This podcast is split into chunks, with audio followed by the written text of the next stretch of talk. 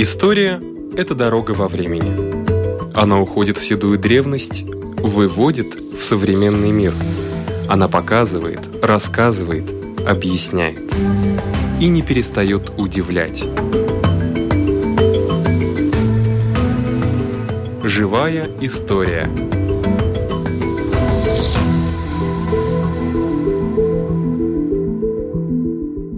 У микрофона Лидия Чера.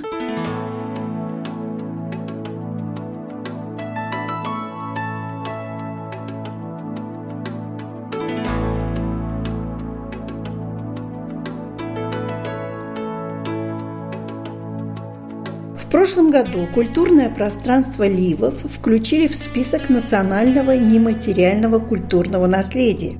И свидетельство торжественно вручили Ливской общине 29 марта в Народном доме Крапес. Говорят, ливы ступили на латвийскую землю около пяти тысяч лет назад. Именно они считаются коренными жителями территории нынешней Латвии. Ливский берег – это череда прибрежных поселков от Овишей до Гибки, где можно увидеть рыбацкие строения, в которых в первой половине XX века жили ливы. Ливский берег – это запах копченой рыбы и традиционная еда, разнообразные старинные заборы и скромный пейзаж – это колкас-ракс, это чуть заметный ливский акцент и ливский флаг – Сегодня ливское культурное наследие живет в названиях географических мест, рукоделиях, народном костюме, образе жизни и восприятии мира.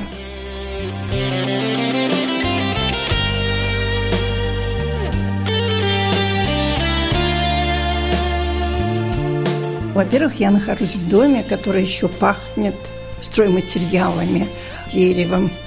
Это Дом Ливского общества и мой собеседник Ива Эренштрейте. Я ведущий человек Ливской организации, которая называется Ливод И, или же Ливский союз.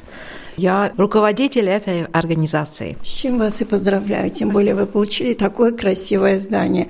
Как вам это удалось? Это не прямая заслуга Ливского союза, это больше заслуга Колкас самоуправления, потому что была возможность получить финансирование из европейских фондов для развития Ливского побережья и подготовить это здание, где одна часть Ливского союза, то есть отделение Колки, могла бы здесь работать. Эта организация Колки переехала со старых помещений на новые помещения.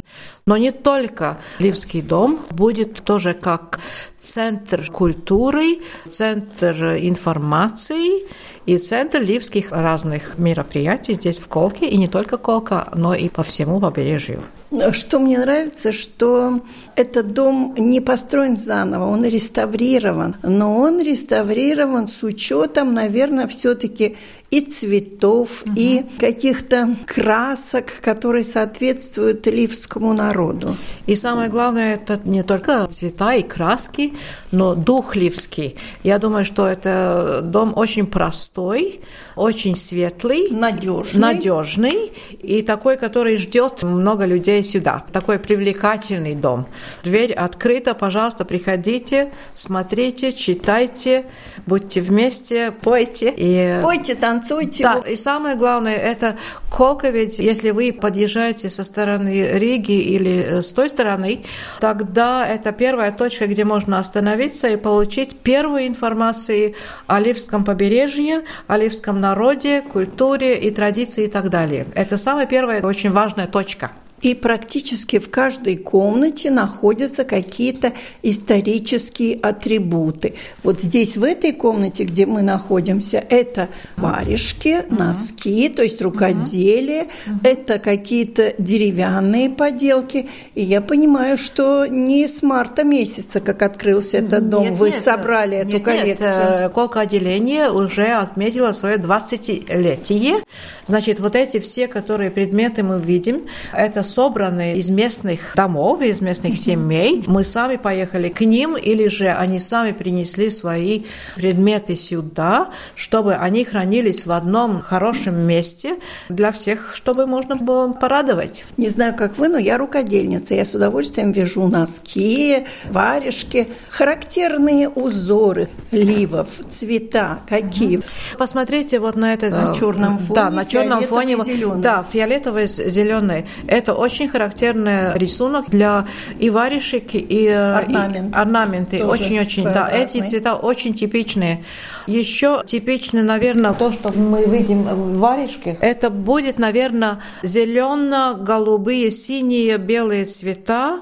Темно-синие, Темно-синие тоже, тоже, да. Но вот это очень своеобразное, я не знаю, как, да. как называется этот цвет. Это, фиолетовый. Да, фиолетовый. фиолетовый очень, темно-сиреневый. Да, очень типичное для этой части Ливского берега. Госпожа Эренштрейта, вы находите этот дом гостеприимным. Но скажу по секрету, когда в свое время я общалась с латышами, которые жили по соседству с ливами, говорят, ливы очень закрытый народ. Ливы непростой народ, конечно, но это мое личное такое мнение. Мы не любим много говорить, но мы выражаем свое уважение, свою радость и свою любовь по-другому. То есть взглядом, может быть, пару слов, или же действием, или же поступком, и тогда вы понимаете, что на нас можно положиться, что мы желаем добра. Нам некогда выражаться длинными предложениями, чтобы показать, какие мы хорошие, какие вы хорошие, что мы думаем. Мы довольно такие суровые, я думаю, по характеру суровый народ. Я могу это сказать... Ну, как моряки. Да, это могу я сказать тоже из своей семьи, потому что это очень ясно видно, что есть места в Латвии, где обниматься само собой понятное дело. Мы это не делаем так часто. Конечно, делаем так, если там не бывает. бывает. Но взгляд или же даже мысль, которую мы читаем в этом взгляде, самое-самое главное. И ты стопроцентно знаешь, что ты можешь положиться на своих людей в любой момент, в любую минуту, когда эта поддержка нужна, помощь нужна. Ливы как свое государство. У них есть свой флаг, свой герб и свой гимн. Да, точно. Да, у нас есть свой флаг, герб. Флаг не то, что герб, но есть такой... Да, да, да, да. Темно-зеленый, да, бело-синий. Да, темно-зеленый – это наши леса. Потом белое – это что у нас песочная полоса побережья и наша голубая или синяя вода моря. Вы должны сидеть в море, вы должны представить, что вы сидите в лодке и ждите ждите того момента, когда вы можете пойти опять на берег. Тогда вы видите вот этот флаг. И следующий, за гимном наш ливским есть песня флага, которая так и называется «Оляз Валда синий». Оляз зеленый, Валда белый, синий синий. Эти наши знаки, и посмотрите на эту свечу, свечу да. видите, там тоже те же элементы, которые в нашем флаге, зеленый, белый, синий, с нами всегда. Ну, создание гимна тоже имеет свою историю. Да, мы очень гордимся тем, что когда в каких-то соревнованиях, особенно в спорте, выигрывают финские атлеты или же эстонские атлеты, и вдруг мы слышим их гимн, о, это тоже наш гимн, мы можем То петь та вместе. Мелодия, да? мелодия та же, но у нас есть свои слова. Слова очень близки к той истории, той идее, с которой мы живем здесь на побережье. Это море, это рыба, это рыболовство, это природа нашего побережья и так далее. Я знаю, что многие могут выбирать свою национальность, э, исходя из того, что у тебя какие родители. Ливы. Кто может считаться ливом. Ну, так же, как нельзя сказать, кто может считаться настоящим латышом, так и ливы, наверное. Все-таки ассимиляция и очень много смешанных браков. Да, вы правы. Как раз неделю тому назад в Ливский союз, в наш офис мы получили два заявления. Янис Меднис и Рената Павлушенко. И они сейчас хотят получить новый паспорт с записью Лив или же Ливонка. И мы, как Ливский союз, дали рекомендацию. Они сами написали нам письмо, почему они считают, что они вот э, имеют право на запись Лив в паспорте. И они очень коротко описали свои корни, дедушки, прадедушки, прабабушки и так далее, и какие заслуги перед ливским языком, культурой и так далее, и так далее. И мы считаем, что это очень важная причина. Но самое первое, что они очень хотят и верят этому, что они уже, так сказать, созрели, они уже не молодые люди, это под 40, что они созрели, они готовы вот служить вот этому ливскому делу. Вот это очень важно. И мы даем такую рекомендацию, и далее они идут по этим необходимой организации да. и уже делают свои дела дальше, но мы за это, и такие заявления в последние 4-5 лет пять или шесть таких заявлений, что мы ну, хотим... Не очень много, Ну но... да, ну да. да, конечно. Например, у меня в паспорте нет, что я лив. Нет. У меня вообще нет национального. Да, но и у моей семьи тоже нет. Ни у братьев, ни у сестры. Но мы не считаем, что это имеет такое значение. Да, ну для Самое них, наверное, главное, имеет. Ну да, которые... те, которые хотят, пожалуйста, очень даже хорошо. Но очень тоже интересно узнать, какое основание имеют они. Да, да. И это только говорит о том, что человек задумается, что Наверное, да, это очень важно. Это важно для меня, для моих детей, для моей семьи. Ливские женщины любили украшать себя? И какие а... были украшения? Я не думаю, что в ежедневной жизни это так было. Но самое-самое такое удивительное было ливская невеста и венок ливской невесты. Это было что-то ну, особенное. Это было очень-очень-очень такое красочное. Нет, когда мы будем через час или полтора часа в Ливском доме, да. в Мазирбе, тогда вы увидите ливскую невесту во всей своей красоте. Если вы посмотрите там, вот это, наверное, тоже отражает, как ливские женщины любили да. украшать себя. Это не ежедневная наряд или одежда, но эта ливская невеста, это было очень-очень что-то такое особенное. Но янтарь в украшении? А, там не было янтаря, но там был такой особенный венок и очень угу. такие интересные оформления этого венка, очень разноцветные, такие как перлитес, как и я, такие маленькие. И вот это самое-самое главное. Так ежедневное я бы сказала, что в начале 20 века, 1910 до Первой мировой войны, довольно сероватый такое впечатление. А уже те года, которые 30-е, 40-е года, вот это 20-е, 40-е, тогда мы видим, что уже жизнь пошла лучше, и тогда уже наряды тоже не, скажем, такие очень национального типа, но местного характера, но сразу видно, что уже качество другое, что наряды другие, что уже побогаче, вот такие, да, да побогаче, да. Но такое ежедневное довольно простое. Вот вы наверняка интересуетесь своей родословной, своими бабушками, дедушками, mm. которые жили все-таки отдельно. Оливы от латышей все-таки держались более-менее отдельно. Если случались смешанные браки, Ливы считались, что это плохой брак, насколько этот народ был горд или наоборот, он считал, что породниться с латышами было важно для того, чтобы считаться латышом. Я только могу сказать такой Привет. эпизод в моей жизни. Насчет моих родителей. Наш папа с горы, то есть Дундага. Но он был рыбаком, и он нашел себе невесту Микельтонес на Ливском побережье. Но еще один эпизод лучший вам э, расскажет, даст вам это представление. представление да. Однажды в Сикракс, это тоже один из наших поселков, Наталья Станте, ее имя, и мы начали говорить, что вот она тоже жила в Дундаге, но она влюбилась в ливского рыбака, они поженились, и она переехала с Дундага в Сикракс. В Сикракс в то время, то есть это было 1920-е годы, никто не говорил на латышском языке. И... Она была единственная. Но любовь была огромная. И она, что мне делать сейчас? Как мне жить? Я же не смогу. Она должна была в течение полгода или даже быстрее выучить ливский язык, чтобы включаться в эту семью, в это обычай сикракс этого места. Но я думаю, что местные рыбаки нашли хорошие девушки вокруг, на горе или же там. Гора, потому что Слейтерс Калны, да, да, да, и да, мы, мы, да, да, да. И это не один случай, таких много, таких не было. Я думаю, что смешанный может быть, и поэтому этот язык тоже были случаи. Вот этот сикрекский э, пример, наверное, был такой очень позитивный пример, э, если мы Для говорим о ливском да. языке. Но моя бабушка и дедушка между собой не говорили на ливском языке. Они знали, Хотя оба были. Да, да. И мама тоже знала язык, но они между собой тоже не говорили, потому что это были те уже года. Мама родилась в 1918 году, 20-й, до свадьбы в 37 каком-то году. Уже считалось, что я думаю, что, но это мое очень-очень такое субъективное, даже личное мнение, что 20-е, 40-е года в Латвии, когда уже после образования Латвии как государства, политика насчет латгальского языка, ливского языка резко изменилась. В худшую сторону. В худшую сторону насчет языка.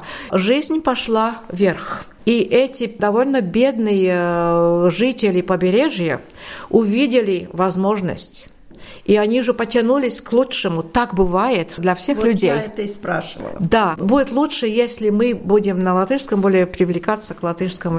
Но объективная причина, я думаю, что была та, что ливского языка обучение никогда не происходило на ливском языке в побережных школах. Никогда. Только на латышском. Только на латышском языке. И те уроки, и те знания, которые давались для ливской культуры, изучать язык, это была идея или инициатива отдельных людей, которые собрали, есть такой Мартин Шлепсте, он собрал учебники, э, тетрадки и на лошадке по побережью и остановился в этой семье, и мы изучаем ливский язык. И ливский язык не исчез, но это никогда не был школьный язык. Никогда не, не обучалось ничего ни в школе. Петерс Дамбергс, он был учителем, он тоже энтузиастом, Поэтому... работал и преподавал ливский язык, и он создал азбуку, но как официальный предмет в школе ливский язык никогда не был. Это самая основная причина.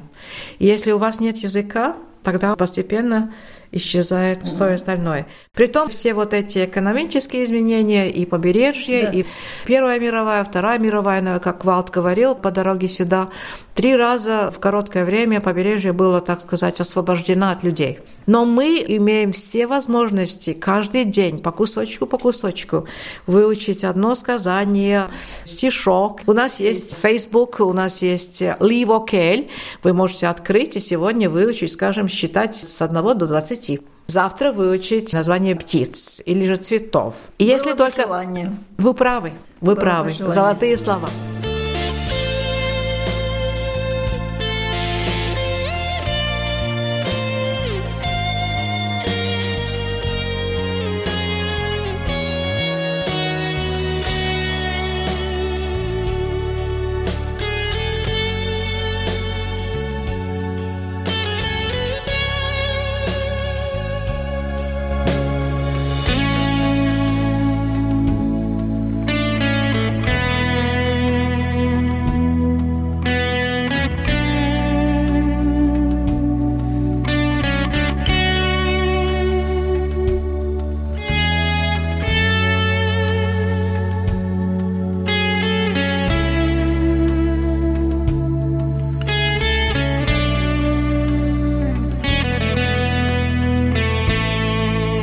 Меня зовут Андрис Антманис. И вы живете здесь, как место называется? Э, Питракс. Я живу здесь, да.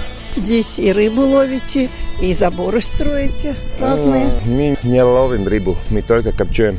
Коптите? Да. По старым традициям каким-то? Немного, по старым и по своему тоже. А какие тогда специи, может быть, надо к рыбе добавить? Каждой рыбе своя специя? Да-да-да, своя-своя. Я коптю холодная, Копчение. Копчение, да, и горячего копчения. Но больше всего мне нравится ваш забор. Он угу. такой оригинальный, никогда такого не видела. Угу. Большие брусья, да, да. наполовину более короткие и поочередно таким шахматным порядком. Потом идет следующая плетень, просто заплетенная. Потом опять круглые Это бревнышки. Вы каждый раз добавляете что-то новое? Es uzreiz būvēju to sētu. Kur tā iedvesma? Kāpēc gribējāt sādu sēt? Es labāk runāšu latviešu, Labi. būs vieglāk. Es pie savu dūmu gribēju pie kūpina uztaisīt žodziņu apkārt, jo koku žoks īpa laika bojājās. Un es tādu gribēju tāds pāris vecāks modeļus tur nolikt pie žogiem un pie kūpinātavas. Un es šos žogus uztaisīju un atbraucu turismu speciālists no Dunkas šeit Alāna Pūliņa. un Viņa teica, Andrij, tev jādara kaut kas vairāk. Es teicu, nē, nē, man tas galīgi neinteresē. Un tad viņi man kādu gadu vairāk, viņi tā man visu laiku teica, atgādināja, teica, atgādināja. un Tieši man par sētu? Tieši par sētām, jā, par žogiem. Jā. Ka- Kas viņai bija tāds? Prātā? Nu, viņai Viņa kaut kā zināja, ka jums iepatikās. labas rokas? Viņai kaut kas ļoti iepatikās.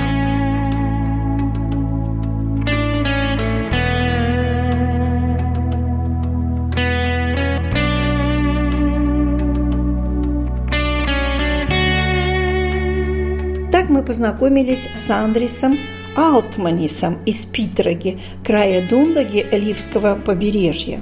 И дальше он перешел на латышский язык, и я кратко переведу.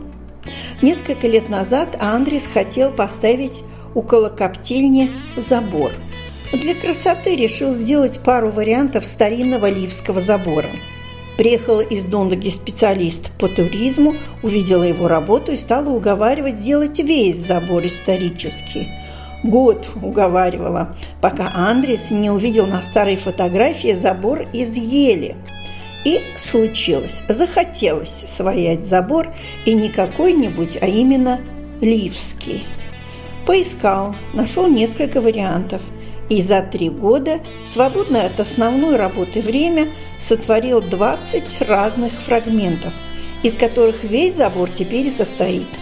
С названиями тоже была проблема. На каждую индивидуальную часть забора по 5-6 названий. И все народная память хранила. Решил квалифицировать по трем видам. Горизонтальный, вертикальный и с наклоном. Его опытом многие заинтересовались, и заказы поступают, но Андрей советы дает, но делать кому-то заборы отказывается. Самый лучший практичный забор – это забор из ели. Если елку правильно обработать, то еловая палка со временем становится только крепче и крепче, как кость, и никогда не гниет. Предки наши еще до гвоздей скрепляли детали забора еловой или можжевеловой корой. Ее надо выварить, высушить, и станет кора крепче любой веревки. Стоит сказать, из каких деревьев не надо делать забор. Это береза и ольха. Быстро сгниет. Но деревянный забор не вечен, нужен ремонт и материал – а дерево сильно подорожало. Старинные ливские дома, конечно, все строились из дерева и с деревянными крышами.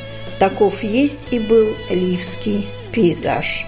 Ну а теперь слушаем интервью с Андресом. Jā, viņai tie žogi patīkās, un viņa gribēja, lai es turpinātu, bet man tas neinteresē tajā brīdī. Līdz es vienā fotografijā ieraudzīju tieši šo žogu veidu. Tas ir egeļu zedeņu žoks, un man viņš ļoti iepatikās. Un tajā brīdī manī kaut kas notikās, un es sāku meklēt vecās fotogrāfijas tieši par žogiem, kas ir tieši šeit Līvu krastā ir bijuši. Šie žogi, redzot par visu Latviju, braucot, ir redzami, bet es nemeklēju to, kas ir Latgalē vai kas ir iekšzeme, bet tieši Līvu krastā un internetā vecajās fotografijās meklēju šo žogus, visus tos nosaukumus, un tad es lēnām kaut kādā nepilnā trīs gadu laikā uzbūvēju būvēju. Es tā nestrādāju tikai pie žogiem. Vienkārši brīvā brīdī atkal kāds posms uztaisīju. Un pagāja krietnes laiks, nu jau šeit ir vairāk kā 20 posmi izstelēt žogiem. No sākuma gribēju likt katram klāt nosaukumu, bet tie nosaukumi ir 6, 7 katram un viņi pārklājās. Un tad es sapratu, ka nav vērts, ka ir tikai tie trīs pamatvilcieni. Ir tie horizontālie guļkoku žogi, tad ir vertikālie, kas ir zedeņi un labžogi saucamie, un tad vēl ir arī slīpkoku žogi. Un slīpkoku žogs mēdz saukt arī par sāmīšiem. Iespējams, tāpēc, ka tas nāk kaut, kaut kas no sāmsaliešiem. Lībieši mēs jau zinām, ar sāmsaliešiem tur ir daudz kas kopējs, un varbūt tāpēc tas nosaukums tāds ir radies. Un te var redzēt, viens no sāmīšu žogiem ir plašie slīpkoku žogi. Un pats vecākais ir bulverķis, un vēl viens man tur ir lāčkoku žogs, jeb stāvkoku žogs. Tas ir pats pats vecākais, un ja šo bulverķi es vēl varēju redzēt fotografijās, kur viņš bija uztaisīts lāčkoku žogu fotografijās, nekur neredzēju, pat nebija nekāds zīmējums, ne rasējums, nekas, tikai bija vienkārši apraksts, kad izraka grāvu un salika iekšā vienkārši vertikāli koku stabs. Un es no sākuma domāju, ka tā īsti nevarētu būt ka tā ir šausmīga materiāla izšķērdība, bet vēlāk secināja, ka tomēr tas tā ir bijis. Es pieņemu, ka tas ir nācis kaut kur atkal no iekšzemes lībiešiem, kur taisīja nocietinājums, un tādā veidā tas žoks ir nācis šeit, arī kurzemes jūrmālā vietā. Bet nu, viņš nebija izteikts šeit. Ir cilvēki, kuriem interesē jūsu prakse, un viņi nāk varbūt bez padomu. Jā, ir diezgan daudz cilvēku, kas zvana un prasa un vaicā, un ir bijuši daudz pasūtījumu. Man Rīgā arī pie Bīriņa kroga gribēja, lai es taisu žogu, bet man tik daudz darba, es vienkārši atteicu, jo tas ir arī gabals, un tur vajadzēja arī lielu posmu taisīt šos žogus, un es viņus vienkārši atteicu. Un šobrīd arī man no kolka vakar zvanīja, man bija jāatzvan, bet es tajā darba steigā neatzvanīju. Šodien jāatzvan arī tur ir kaut kāds pasūtījums. Cilvēki redz, ka es to darījuši, un ja nevajag palīdzēt, tad vismaz ar padomu padomu kaut kādā veidā. Kādus kokus jūs izmantojat? Dažādi koki ir. Vislabākais koks, protams, ir eglīte. Teiksim, zedeņu kokiem, kas ir no eglis zariem, tad patiesībā, ja tās kārtas tiek pareizi apstrādātas un stāv, tad tie egļu fragmenti pārtiecībā šie zari viņi vairs nesapūst. Jo egli paliek aizvien cietāk un cieta mm. viņš kā kauls pārvēršas un viņš Padomā. nepūst. Viņš var stāvēt gadiem ilgi. Tāpat līdzīgi arī no kadiķiem. Man kādreiz, kad mans puišals bija, tas ir 40 gadu atpakaļ, es gāju. Tur bija kāds kartupeļu lauks kādiem cilvēkiem, vecajiem, un tagad es kādu dažus gadus atpakaļ to žogu jauc nost. Un tie kadiķi, viņi bija kaut kādi 7, 8 cm diametrā. Viņi stāvēja joprojām nenopūvuši. Jā, jā, un tie stāvēja joprojām nenopūvuši. Un, un kur tie kadiķi jums ir? Kadiķi man šeit nav. Kadiķi vienkārši man kā piemērs. Kadiķi tāpat kā igla, viņi nepūst. Viņi, viņi paliek ļoti mm -hmm. cieti. Un senos laikos varbūt, ja slīpkoku žogs taisīja ar egļu mizām sasēju kopā, tad es šodien ar naglām to daru. Jo tik traki aiziet tajā senatnē iekšā ar egļu mizām, tas ir diezgan sarežģīti un grūti. Un ne, man arī tā praksa ir tāda, bet es vienkārši internetā to lasīju, kad tad, kad šos kokus stiprināja klāt, kad nagls nebija, viņi izvārīja egļu mizas, kad viņi ir izvārīti, tā miza ir mīksta. Jā. Un tad šo mīzu viņi vienkārši apsien, sasien, tad, kad tā miza izkalst, viņi paliek kā drāts, kā cieta un stingri viņi turās un kalpo ļoti ilgi tādā veidā. Teoriju jūs jau zināt. Teorija zina, jā, bet nu, teorija zina, praksi kopā salikt ir diezgan grūti. Un tā kā man vasarā ir laiks ļoti ierobežots, daudz darba ir un tad sākās ar turismu. Viss. Tad patiesībā vairs nav interesi tik dziļi tajā vēsturē ieiet iekšā. Galvenais, kad var redzēt vizuāli, kā viņš ir izskatījies apmēram. Tas arī bija tas mans mērķis. Ja es no sākuma tikai priekš sevis taisīju, tad vēlāk jau drusciņi pie tām beigām, kad es nācu, es taisīju domu tā, lai cilvēkam var pateikt, kā viņš ir bijis vēsturē un kā es viņu taisīju, lai tā kā redzu atšķirību. Jūs varat pateikt arī cilvēkiem, kuri nāk pēc padomu, arī pateikt, no kura koka nevajag taisīt sētu. Jā, nu sētu nevajadzētu taisīt no bērza pirmām kārtām. Arī alksnes. Bērs ļoti ātri satrūd. Ah. Bērs ļoti ātri satrūd. Un alksnes tāpat, ja viņš ir pie zemes, viņš arī diezgan ātri satrūd. Vislabākais jau koka materiāls ir egli. Egli koks gan stabiem, gan kārtīm. Alkšņi. Mums ir alkšņi apkārt, ir arī priežu meža apkārt. Nu, kaut ko no priedēm mēs varam, mm. bet tā reglēm mums ir tā, kā ir. Un tā, man pārsvarā viss no priedēm ir taisīts. Un mm. Tikai tie, kas ir tās kārklu klūdziņas, kur ir un kur ir edīģi un, un egļi zari, tie atšķirās pārējais viss no priedēm Diocese Bet, ja jūs iesākāt tādu izmeklēšanas darbu, mm -hmm. varbūt jūs viņu gribat arī kaut kā turpināt, varbūt ziemā, kad nav tik daudz es... turistu un, un darba. Es domāju, kā padziļināt vairāk, noteikti, ka nē, ka tas man jau tagad ir uzlicis zinām veidu tādu nastu virsū. Man jau tagad diezgan grūti, jo koku žoks jau nav noslēpums, ka viņš nestāv mūžīgi. Un es jau skatos, kad jau ir jāsāk ir labot, un tad, kad es viņus taisīju, man materiāli bija pilni sēdi, un tagad, kad es pareiķināju, kas man pašam būs jānopērk, tad es saprotu, ka tas žoks ir no zelta. Savu meža nav. Savu mežu vairāk nav, un mežā jau arī nav tik vienkārši, lai tur mežā iet visāds atļaujas ir vajadzīgs, un dēļ dažiem kokiem nu, tas ir sarežģītāk nekā nopirkt gatavu uzreiz to materiālu. Tāpēc vienkārši ir jādomā risinājumā laikā ar to tikt galā. Nu, vismaz man skaidrs, kāds koks jums ir mīļš. Nu, jā, man egle. patīk pašam patīk egli, jā, jo eglis priekš žoga viņš ir vislabākais, ir, kā jau mēs te runājām. Jā. Mm -hmm. Man vispār patīk koks. Man patīk pašam tāda amatnieka dārza. koks tieši tā, ka es arī nu pat taisīju jaunu ēku. Man patīk izbaudīt to dabīgo koku smaržu. Koks ir koks. Tas ir. Vai jūs māju arī no koka taisat? Nē, es netaisu savu mājas. Tie, kas man ir viesmājiņas, tie man ir visi no koka. Jā, un arī tagad es taisu tā tirgotā kopā no jums. Tas arī ir no priežu koka un tam līdzīgi. Jā, man gribās visu tā vēsturēt, lai šeit nav tā kā nu, mana vecā māja, tas, kad būs jājauc vecie šķūņi, pienāks laiks jauks nostur, kaut ko liks tajā vietā, bet no jauna, ko es visu taisu, es visu taisu maksimāli tā, lai viņš iekļaujās jau tajā ainavā iekšā. Tā kā kādreiz bija lībiešiem bijusi ar koku jumtu, un visi jaunie namiņi, kas to viss man ir ar koku jumtiem. Tas ir tāpat tas ļoti dārgs process, bet viņš izskatās ļoti labi. Tāds mērķis Un ir, lai viss ilgi kalpo. Nu, ja viņi pareizi apstrādā, viņš pietiekami ilgi var kalpot, jā, bet viņš ir jāuzmanā. Nevar tā viņu atstāt un domā, vienreiz sasmērē, un viss viņš ik pa laikam ir jāatjauno, un tad viņš kalpo pietiekami ilgi. Jā.